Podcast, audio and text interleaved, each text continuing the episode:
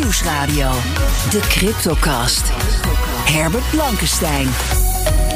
Welkom bij CryptoCast nummer 186 met het volgende. Het Chinese bedrijf Evergrande staat op omvallen, onrust op de beurs en ook op de cryptomarkt.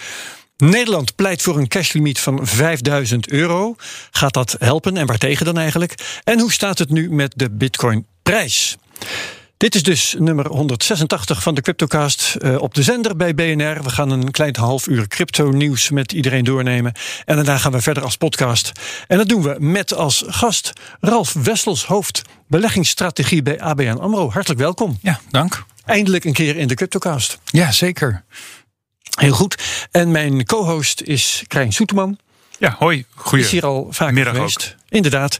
Um, journalist en auteur van Cryptovaluta voor Dummies. En Ralf Wessel zit hier uh, mede omdat hij een onderzoek heeft gedaan naar de mogelijkheden voor crypto als uh, beleggingsinstrument bij ABN ja. AMRO. Nou, daar gaan we het uh, in ieder geval in de podcast over hebben, maar misschien ook wel bij Flarden in dit deel van de Cryptocast. Nog even een disclaimer. Wij geven geen beleggingsadvies. Vorm je eigen mening, maak je eigen keuzes en geef ons niet de schuld. Crypto kan lucratief zijn, maar is ook riskant. Dat is deze week ook maar weer gebleken. Nou, um, crypto nieuws. Een van de dingen die erg de aandacht trokken uh, de afgelopen week is dat het Solana-netwerk 16 uur offline was na een crash. Even voor de goede orde: Solana is een. Uh, Ethereum-concurrent, hè, Krijn? Een zo, zo noemen ze zichzelf. Ethereum-killer, ja. zeggen sommigen. Ja. Uh, dat moet nog blijken, maar er is erg in opmars geweest de afgelopen tijd. En dat netwerk begaf het. Wat was er aan de hand? Um, ja, er was een, een zogenaamde Initial DEX Offering, dus een IDO. Ja. Een nieuw ding? Ja, weer een nieuw ding. um, uh, waarbij zeg maar een nieuwe munt werd is een decentralized exchange, hè? Dus ja, klopt. Een uh, uh, cryptobeurs waar niet echt een fysiek bedrijf achter zit. Nee, er zijn natuurlijk heel veel zogenaamde DEXen tegenwoordig. Ik denk dat de bekendste wel zijn dingen als SushiSwap of Uniswap. Maar goed, op, die draaien op Ethereum. Sorry, Sushi, Uniswap draait op Ethereum. SushiSwap is dan weer die Binance coin. En dat... Um, en Radium, waar dit uh, op gebeurde, is dus Solana. Um, maar goed, die zien er allemaal qua uiterlijk allemaal vrij hetzelfde uit. Maar wat was er aan de hand? Er was een, um, uh, een zogenaamde denial of service attack. En die zorgde ervoor dat het netwerk helemaal compleet over zijn nek ging. Um, er kwamen namelijk 400.000 transacties per seconde binnen. En Solana zou er zo'n 50.000 per seconde aan moeten kunnen. Nou is dat natuurlijk altijd een beetje twijfelachtig. Wat gebeurde er? 50.000 is trouwens wel veel. Hè? Is heel, veel, is heel veel. Bitcoin is 7 per seconde, tenminste ja. het kale netwerk. Dat is een genuanceerd verhaal, maar Bitcoin dus als zodanig 7. Ja. Ethereum wat meer. Wat is het ook weer? 20 of zo? Volgens mij 15 officieel ongeveer. Ja.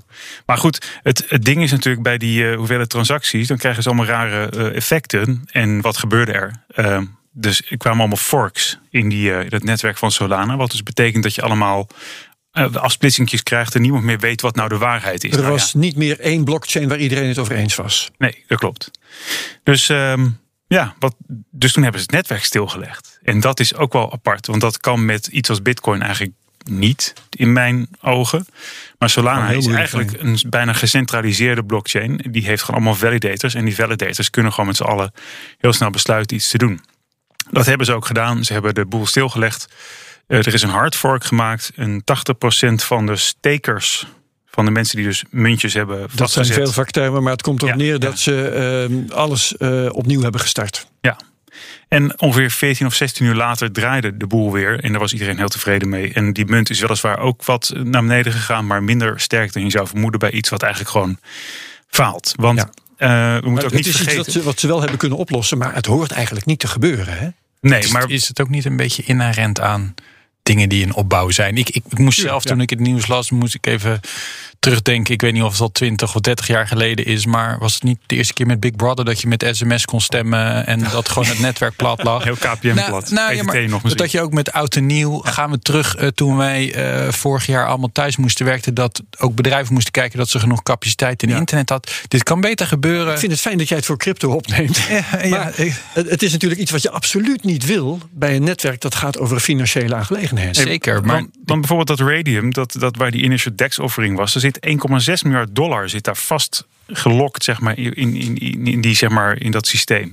Dat is best een hoop geld. Ehm, En, uh, maar er is een ander iets. Hè. Kijk, Bitcoin is vrij traag, althans het basisnetwerk. De, de Bitcoin blockchain is vrij traag. En dat zorgt voor extra veiligheid. Je moet echt wachten tot er boel bevestigd is. En dat eigenlijk die nog zes blokken ook. En dat heeft echt wel een reden hoe sneller je wil, hoe meer je inlevert op veiligheid. Dus er zijn gewoon bepaalde trade-offs. Hoe sneller je gaat op een basisblockchain, want daar hebben we het over, ja. hoe, hoe lastiger het wordt. En de Bitcoin-blockchain, daar kun je van alles bovenop bouwen.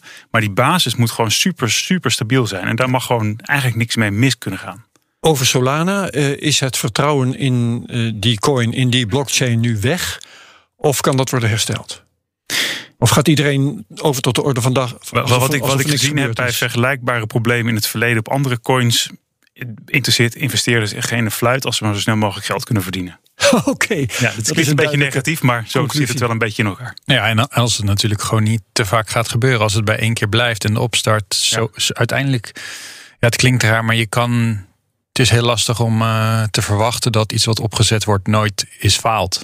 En sterker, het is maar beter dat als het faalt dat het nog relatief klein is dan dat het straks heel massaal is. Dus uh, zo moet je er ook een beetje in zitten. Maar ja, je moet wel je geld terugkrijgen. Okay.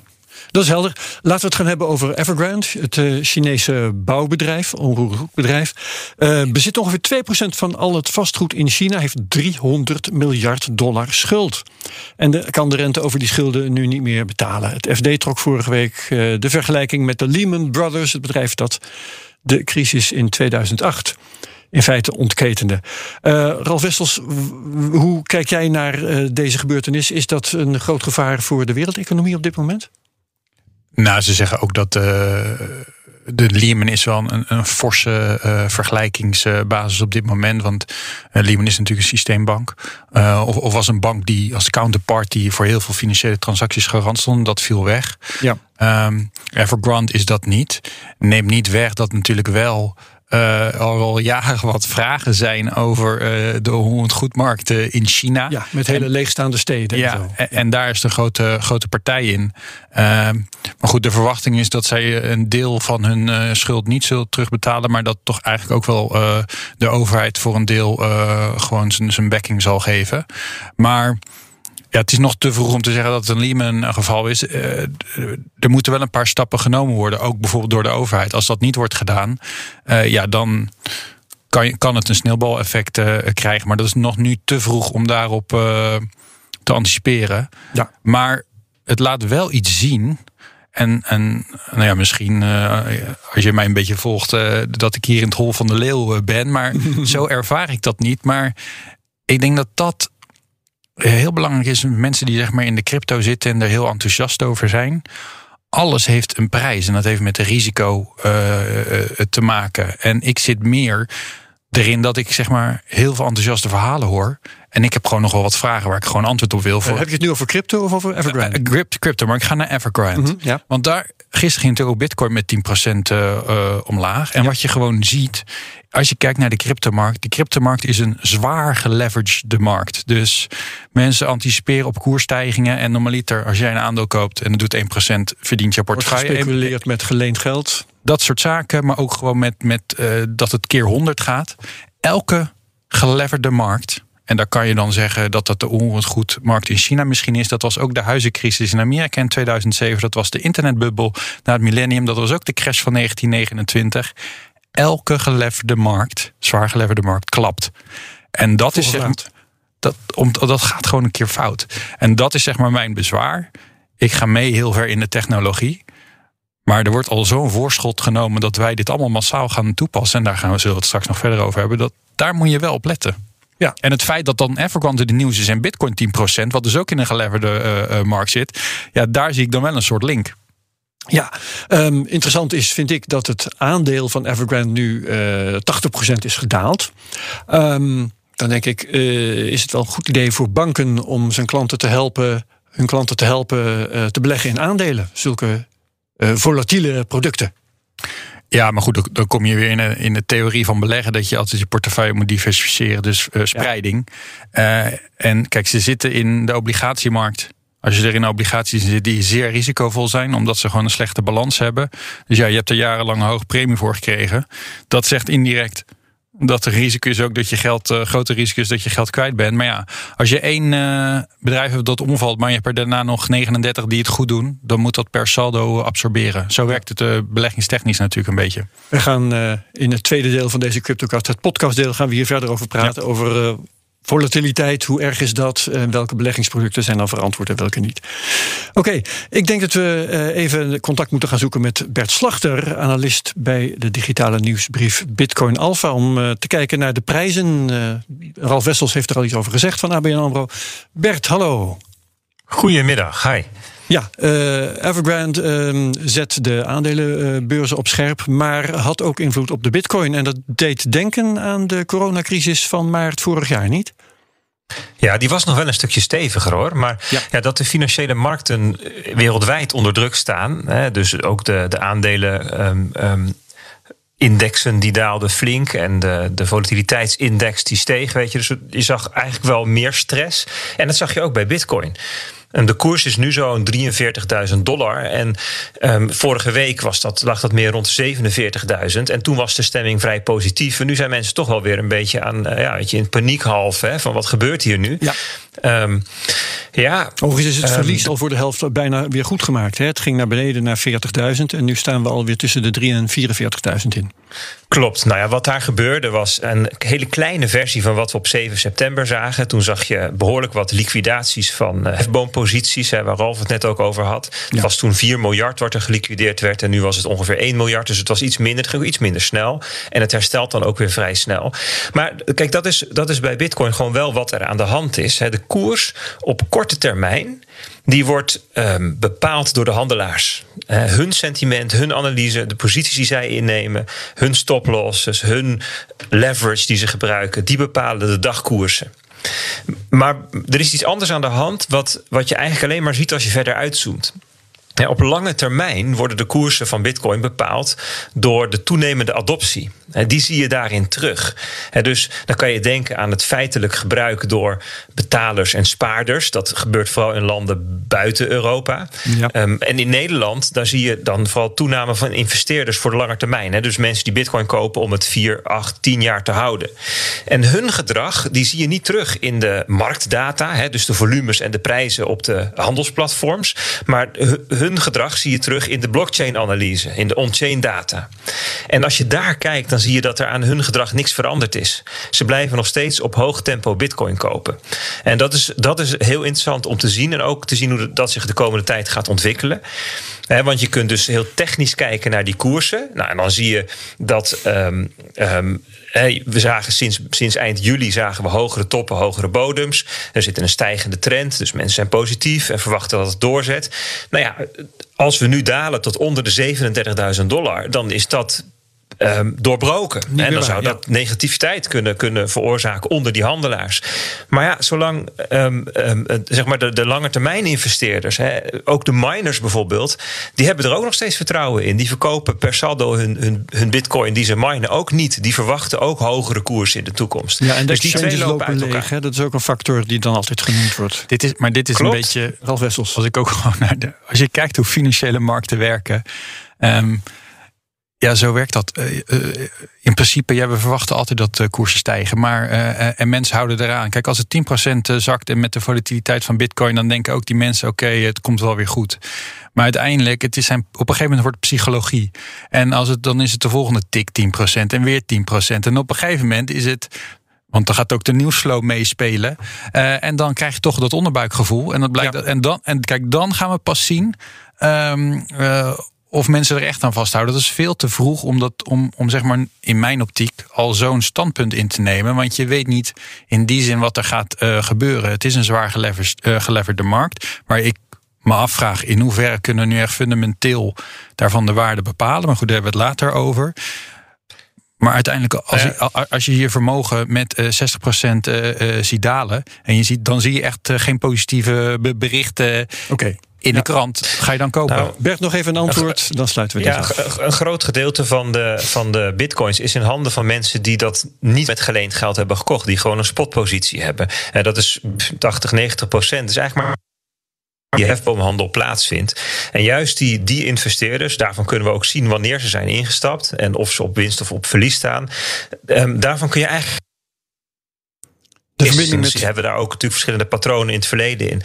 dus daar, dat, daar denk ik wel, wel degelijk anders over. Kijk, de, hoe, hoe het zich de, komende week of weken gaat um, uh, ontwikkelen, zal denk ik ook erg afhangen van hoe, hoe de situatie op de financiële markt in het algemeen zich ontwikkelt. Um, um, dus, dus ja, dat je op die korte termijn ja, heeft dat veel invloed. Dat zeker. Oké, dankjewel voor je analyse voor vandaag, uh, Bert Slachter. En meer details zitten in de wekelijkse nieuwsbrief op bitcoinalpha.nl. Nou, uh, meer nieuwtjes. Uh, laten we het nog even hebben snel over de kredietscore van El Salvador. Kredietbeoordelaar Standard Poor S&P maakt duidelijk dat de bitcoin-adoptie directe gevolgen heeft voor de kredietscore van El Salvador. We weten dat El Salvador bitcoin heeft ingevoerd als wettig betaalmiddel. Het bedrijf S&P noemt de risico's groter dan de voordelen. Ralf Wessels, hoe belangrijk is dit voor uh, El Salvador? Nou ja, ik, ik vind het een beetje zwak dat het alleen maar over die bitcoin uh, omtrent El Salvador gaat. Als je gewoon kijkt. Dat is toch een grote stap? Ja, voor de bitcoin. Maar de kredietrating heeft met andere zaken te maken. Als je kijkt. Uh, zo, ja, ja. Uh, gewoon naar het land. Ik wil net eh, zeggen, wat, dat is precies de vraag. Wat heeft het, uh, het aannemen van bitcoin als een van de wettige betaalmiddelen... wat zou dat voor invloed hebben op de kredietwaardigheid van een land? Ik begrijp dat ook niet zo goed. Nou, ik denk dat de kredietwaardigheid voornamelijk met degene die daaraan de touwtjes in handen heeft eh, Economist uh, publiceert daar uh, of schrijft daar zeer betrouwbaar over. Maar gewoon, het is een populist. Als je ziet, is hij bezig de gerechtelijke macht uh, daar mensen neer te zetten die in zijn straatje passen. Dus gewoon, je hebt een samenleving en je, de onafhankelijke instituten, daar wordt ernstig aan getornd. Nou, dat is wel een reden voor een kredietbeoordelaar om wat terughoudend te worden. Ja. Daar moet je, en dat is daarom mee een beetje een andere discussie, maar daar gaan we het waarschijnlijk straks ook nog over hebben. Dat hele crypto. Um, ja, ik ben van mening dat. Uh, je hebt nu eigenlijk twee vormen als, als het gaat om die bitcoin daar in El Salvador. Want uiteindelijk, als het gaat om een geldfunctie, moet het gewoon een stabiele prijs hebben. En um, daarvan zeg ik, kijk, als jij en ik bitcoin hebben uh, en het daalt 10%, dan zeg je, goh, ik wacht wel even twee weken tot het weer stijgt. Ja. Maar als die mensen die krijgen hun geld vanuit de VS en dat, daar moeten ze maandelijks hun, hun boodschappen voor doen. Als dat gewoon daalt of stijgt, maar, dan gaat hun koopkracht achteruit. Maar in principe was het idee toch juist van dat je alles of in dollars of bitcoins kunt overmaken via hetzelfde netwerk. En volgens mij is dat wat heel vaak vergeten wordt te zeggen. Alle bitcoins hebben het alleen over bitcoin, maar uiteindelijk betekent het gewoon dat um, via Strike of een Strike-achtig systeem van die Jack Mellers. Strike uh, is een uh, betaal-app. Maar ik wil het even onderbreken, want uh, het ging over de kredietwaardigheid. Be ja, begrijp, jullie beginnen allebei over iets anders, namelijk betalen in bitcoin en zo. ik begrijp dus dat die kredietwaardigheid eigenlijk helemaal niet beïnvloed wordt door het accepteren van bitcoin als wettig nee, betaalmiddel. Maar de, dan El Salvador is dus- afhankelijk van uh, ook het IMF en geld. En het IMF heeft gezegd uh, dat uh, het doorzetten van bitcoin consequenties kan hebben voor de lening. Ja, ja maar dat, is meer een, een wraakmaatregel, is mijn indruk. Je, je mag, maakt mij, niet, mij maakt niet uit wat mensen ervan vinden. Het betekent dat er geen lening komt en daarmee dat de kredietwaardigheid dat van El Salvador en dat kan een verlaging tot gevolg hebben. Laten we het nog even hebben over ehm, het vervolg straks in de podcast. Um, jouw onderzoek naar bitcoin en crypto, uh, daar gaan we het straks over hebben. Waaruit de conclusie is dat eh, ABN AMRO zelfs niet adviseert over beleggen in, laat staan dat dat ook aanbiedt. Um, waarom heb je dat onderzoek gedaan? Nou, omdat er zowel natuurlijk van klanten als ook intern uh, vragen zijn gekomen van moeten we daar wat mee? En uh, is het ook een kwestie van zoek het uit ja. en een soort voor informerende rol daarin te spelen. Ja, om dus ook gewoon inzicht te geven. wel degelijk behoefte aan informatie daarover bij, ja, bij klanten. Maar je moet natuurlijk ook, er zijn ontwikkelingen en in principe kan je ben ik positief over de ontwikkelingen die gaande zijn. Uh, maar of je er dan meteen uh, zwaar in moet investeren, dat, ja. dat, zijn twee verschillende vragen. Hebben klanten al gereageerd op jullie overtuiging dat je dat niet moet aanbieden en daar ook niet over moet adviseren? Nou ja, wat je gewoon krijgt, dat merk ik ook op mijn socials. Uh, crypto is een zeer emotionele discussie. Uh, dus je hebt mensen die zeggen dat ze het uh, verstandig vinden. En er zijn mensen die de grond inboren. dus ja, nou ja, so be it. Ik, ik vond je eerlijk gezegd niet zo heel negatief in je, in, in, nou, dank. verhaal. Maar eh, wat ik trouwens wel grappig vind, is dat op zich uh, ABN AMRO... Oh, het heel kort, ooit, uh, Oh, sorry. Ja. ja, nou goed. Ik wou zeggen, ik word niet heel negatief. Maar ja, ik, uh, we gaan het zien. Ja, goed. Dat is uh, kort genoeg. Um, tot zover de Cryptocast op BNR. Uh, bedankt uh, voor dit moment, Ralf Wessels van ABN AMRO. Ook Krijn Soeterman, hartelijk dank. We gaan het gesprek gewoon voortzetten. Dan kan Krijn ook verder uitpraten. Wie meegaat, tot straks. En wie afhaakt, bedankt. En graag tot de volgende keer bij de Cryptocast op BNR. Dag.